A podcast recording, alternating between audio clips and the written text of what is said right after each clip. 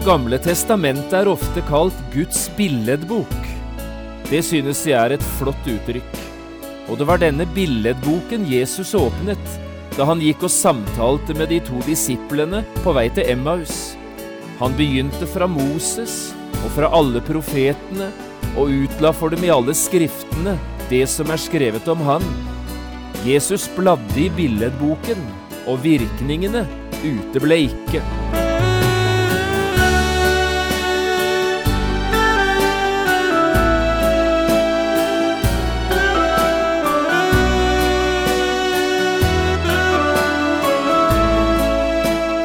Hjertelig velkommen til et nytt program i serien Vindu mot livet. Programmet er produsert av Kristen Riksradio og blir ledet av Jon Hardang. Kristen Riksradio drives av frivillige gaver. Vi er glade for din støtte.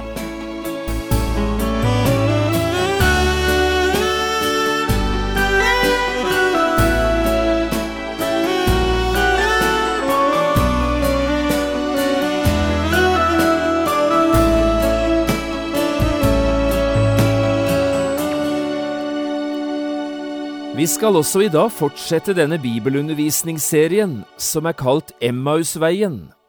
Dette er en undervisningsserie med tilknytning til påske, der vi i løpet av en del program skal lese og kommentere historien om de to Emmausvandrerne. Det er altså Lukas som forteller denne historien, helt i slutten av evangeliet sitt. Og vi skal finne fram til Lukasevangeliet og i dag lese et lite avsnitt fra kapittel 24. Vi leser vers 25 til 27 om hva Jesus svarte Emmausvandrerne etter at de hadde øst ut sin sorg og sin fortvilelse for denne fremmede mannen. Jeg har kalt dagens program Guds lam. Da sa Jesus til dem, Så uforstandige dere er, og så trege i hjertet til å tro alt det som profetene har talt. Måtte ikke Messias lide dette, og så gå inn til sin herlighet? Og han begynte fra Moses og fra alle profetene, og utla for dem i alle skriftene det som er skrevet om han.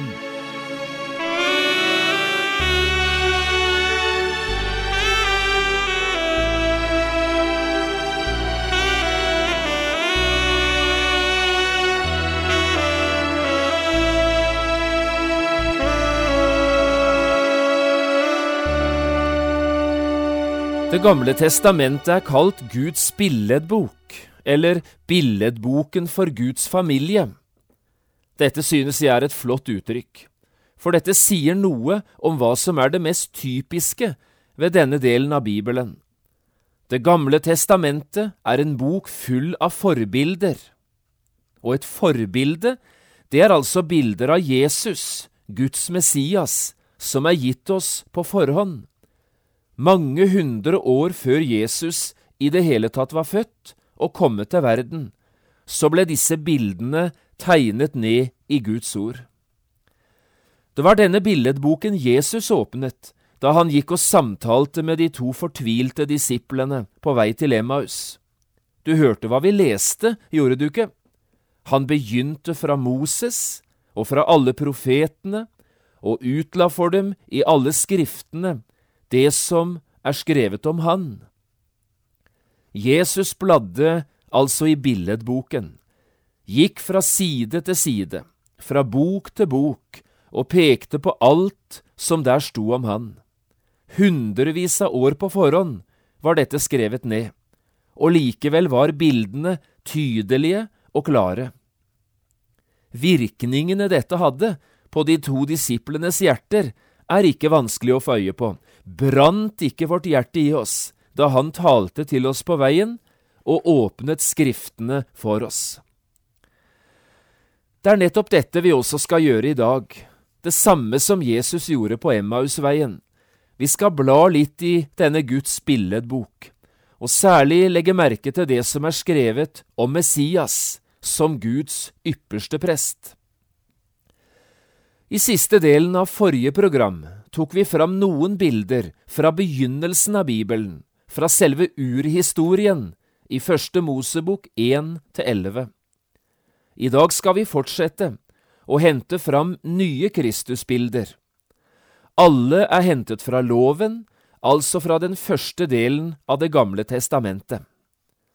Vi skal begynne med ett bilde fra fedrehistorien, første Mosebok 12–50, og så fortsetter vi med fire nye bilder fra den første delen av israelsfolkets historie, fra andre til femte Mosebok.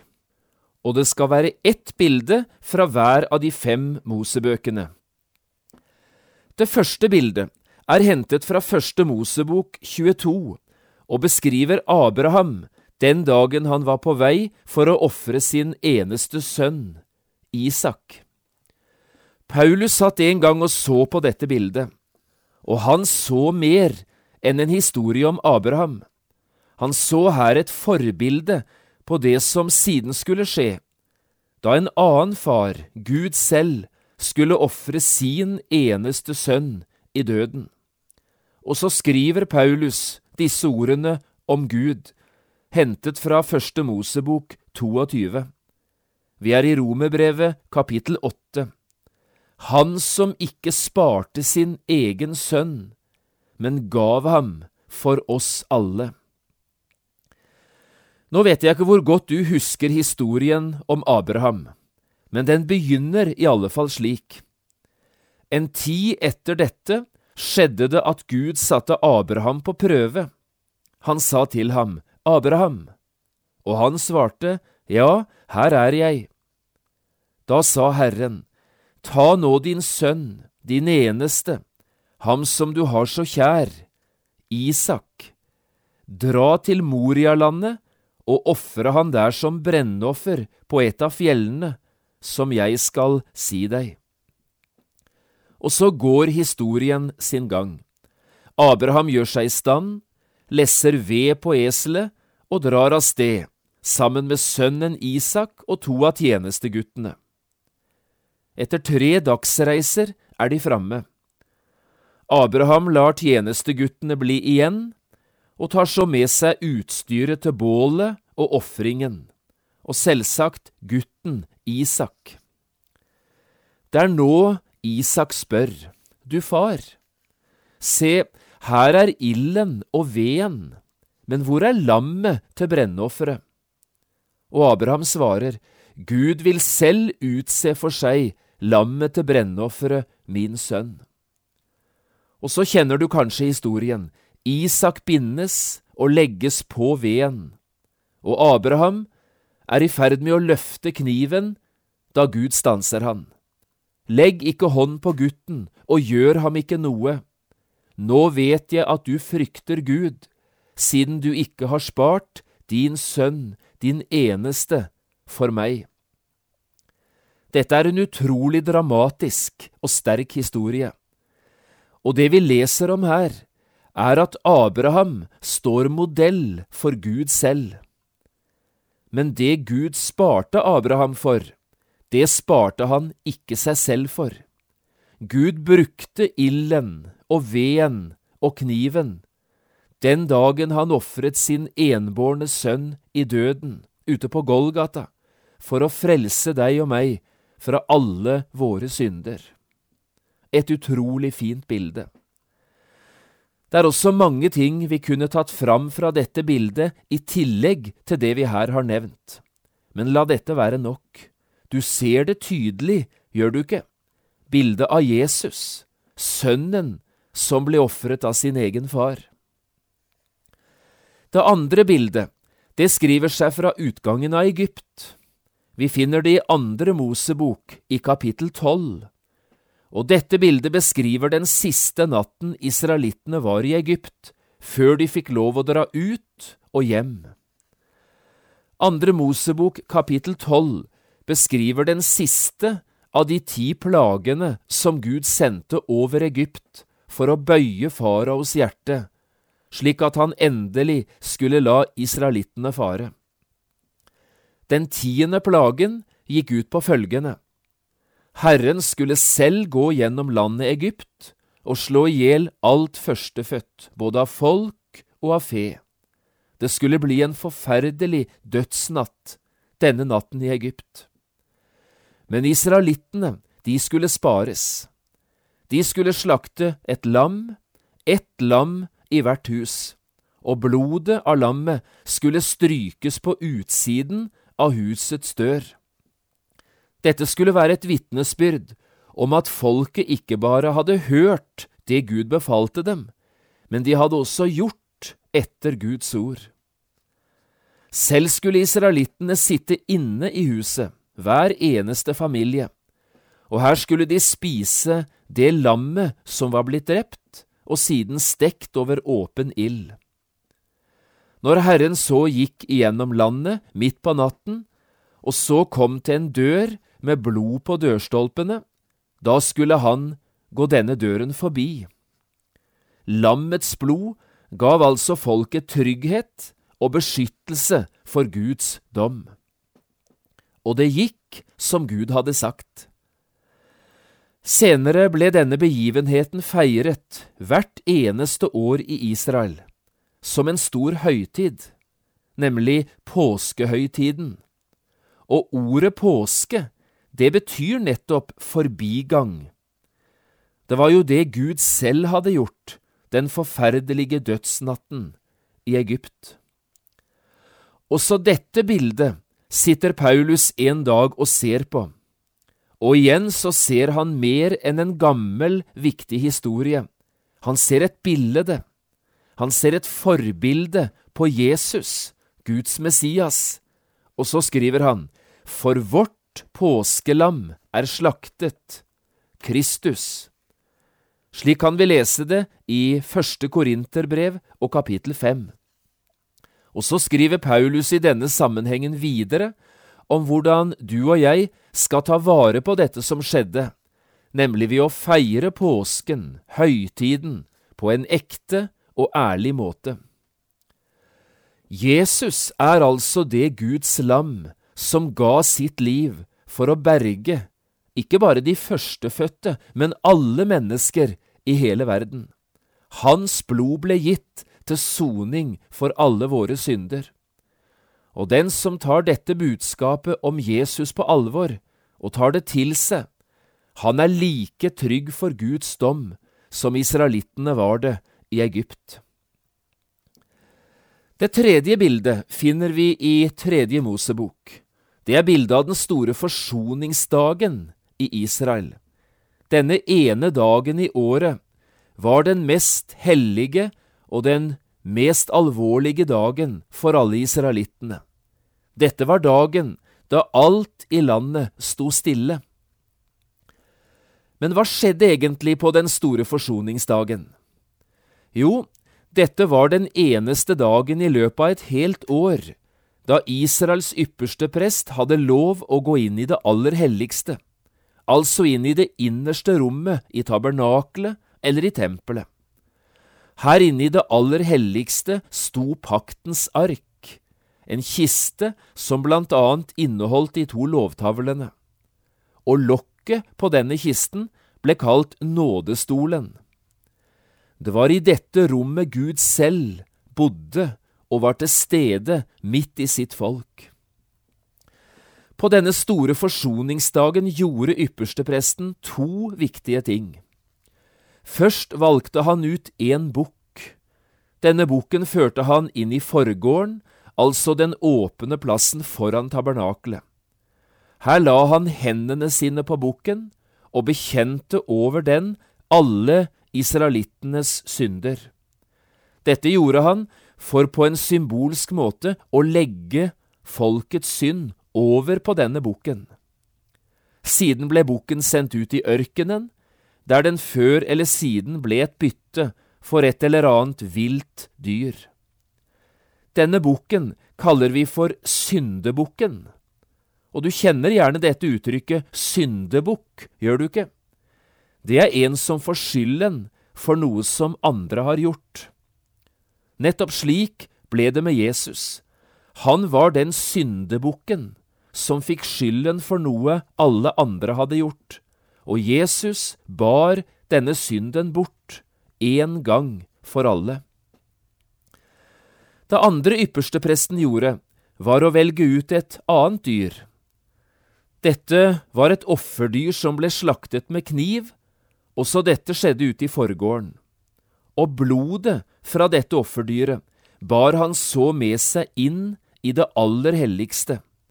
Her sprutet han blodet på nådestolen, på lokket på paktens ark, først for sine egne synder, og siden for folkets synder. Og dette blodet fortalte Gud, et uskyldig dyr er ofret i stedet for skyldige mennesker. På denne måten ble folkets synder sonet, og de som av et ærlig hjerte nå ba Gud om tilgivelse, de ble fullstendig satt fri fra sin egen synderskyld. Akkurat på samme måten ble Jesus vår ypperste prest, en som gjorde soning for våre synder. Men Jesus var noe mer, han var også selve offeret. Det er bare ved Jesu blod vi nå har frimodighet å komme fram for Gud, som syndere som har fått nåde fra Gud. Det er særlig ett brev i Bibelen som taler mye om dette. Det er hebreerbrevet. Vi skal ikke lese fra det i dag, men her framstilles Jesus på en flott måte, både som offer og som ypperste prest. Og forbildet, det er nettopp den store forsoningsdagen. Og så har vi to bilder til, som vi også skal se litt på. Det fjerde bildet er hentet fra Fjerde Mosebok 21 og kalles Kobberslangen i ørkenen. Dette bildet skriver seg fra siste delen av israelittenes vandring i ørkenen. Og situasjonen er følgende. Israelittene hadde syndet mot Gud. De hadde knurret mot Gud, og dette hadde pågått over lengre tid. En dag kom straffen. Gud sendte brennende giftige slanger inn i leiren, og en masse israelitter døde av slangebittene.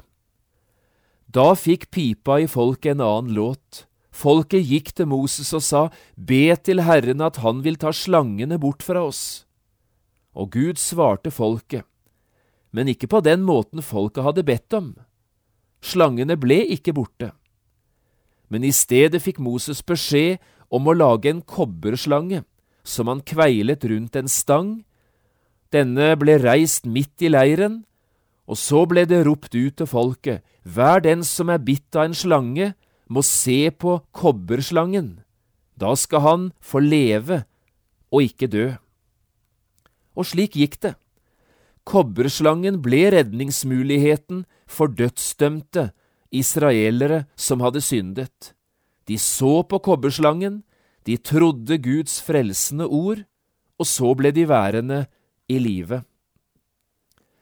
En natt fikk Jesus besøk av en jødisk lærer som het Nikodemus. Han hadde mye respekt for Jesus, men det var mye i det Jesus forkynte som han ikke forsto. De snakker sammen, disse to, og Jesus begynner så å bla for han i Guds billedbok. Han finner fram til bildet av kobberslangen, og for å forklare for Nikodemus hemmeligheten med sin egen lidelse og død, sier Jesus i Johannes 3, 14 og 15. Og like som Moses opphøyet slangen i ørkenen, slik skal menneskesønnen bli opphøyet, for at hver den som tror på Han, skal ha evig liv. Dette fikk Nikodemus se, og dette forsto han. Det forstår vi når vi siden leser hva Johannes skriver om det som hendte på langfredag. En av de to som kom for å ta Jesus ned av korset, det var nettopp Nikodemus. Og så det siste bildet. Det er hentet fra femte Mosebok og kapittel 19. Det er kalt for Fristaden. Kanskje er dette det minst kjente av de fem bildene vi nå har tatt fram, men det er ikke mindre flott av den grunn. Prøv å se litt nå om du ikke kan få øye også på dette bildet. Israelittene står ved grensen av Kanans land, når Gud første gang taler til dem om fristedene. Når dere kommer inn i landet, sier han, skal dere skille ut tre byer. Disse skal være fristeder for dere. Og etter hvert som dere inntar en større del av landet, ja, så skal dere skille ut enda tre byer, så dere til sammen får seks fristeder. Veien til fristaden må ikke være for lang for noen. Det var Guds tanke. Og hva skulle disse fristedene være til? Ja, de skulle være som et tilfluktssted for et menneske som uten å ha villet det, kom i skade for å drepe et annet menneske. Dette var meget kritisk i det gamle Israel. Her gjaldt nemlig loven om blodhevn, øye for øye, tann for tann, liv for liv. I en slik situasjon kunne han som hadde drept kameraten, flykte til en av disse byene. Og nådde han fram til byen, skulle han legge saken fram for de eldste. Og nådde han byen, skulle han tas inn i byen, der fikk han så bo trygt innenfor grensene, og blodhevneren hadde ingen mulighet å skade han. Mannen som nå hadde flyktet til fristaden, måtte bli boende i denne byen, inntil den ypperste prest som da levde, var død. Da skulle yppersteprestens død gjelde som soning for mannens ugjerning, og han kunne trygt reise hjem igjen. Dette er et fantastisk fint bilde på den trygghet en kristen har fått del i. Han har jo tatt sin tilflukt til fristaden Jesus. Hør nå, veien til Jesus er ikke for lang for noen og det er ingen fordømmelse for den som er i fristaden, i Kristus Jesus. Her gjelder Kristi død som soning for all verdens synd. Den svenske sangforfatteren Anders Nilsson synger så fint om tryggheten i Jesus, nettopp i bildet av fristaden. Og kanskje skulle vi avslutte dagens program nettopp med å sitere litt fra denne sangen. Prøv å ta det på alvor nå, det du her får høre. Gjør som Emmausvandrerne. Ta til deg ordet om Jesus, og så skal også du få oppleve åpne øyne og et brennende hjerte. Anders Nilsson synger. O åpne ditt hjerte for Herren, si synden og verden farvel. I fremmede landet det fjerne, så lett du kan tape din sjel. Ja, fly til den fristaden skjønne, til Frelserens vunder og sår. Barmhjertighet der du skal finne, forløsning i blodet du får.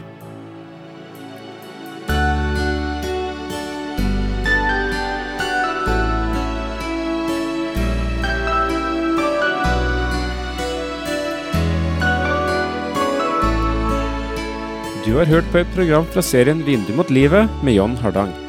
Programmer i denne serien kan også kjøpes på CD fra P7 Kristen Riksradio, eller høres på internett på p7.no. Har du spørsmål eller kommentarer til det du nå har hørt, kan du ta kontakt med oss på telefon.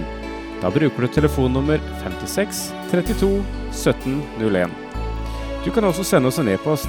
Adressen er vml.krøllalfa.p7.no. Takk for i dag, og på gjenhør.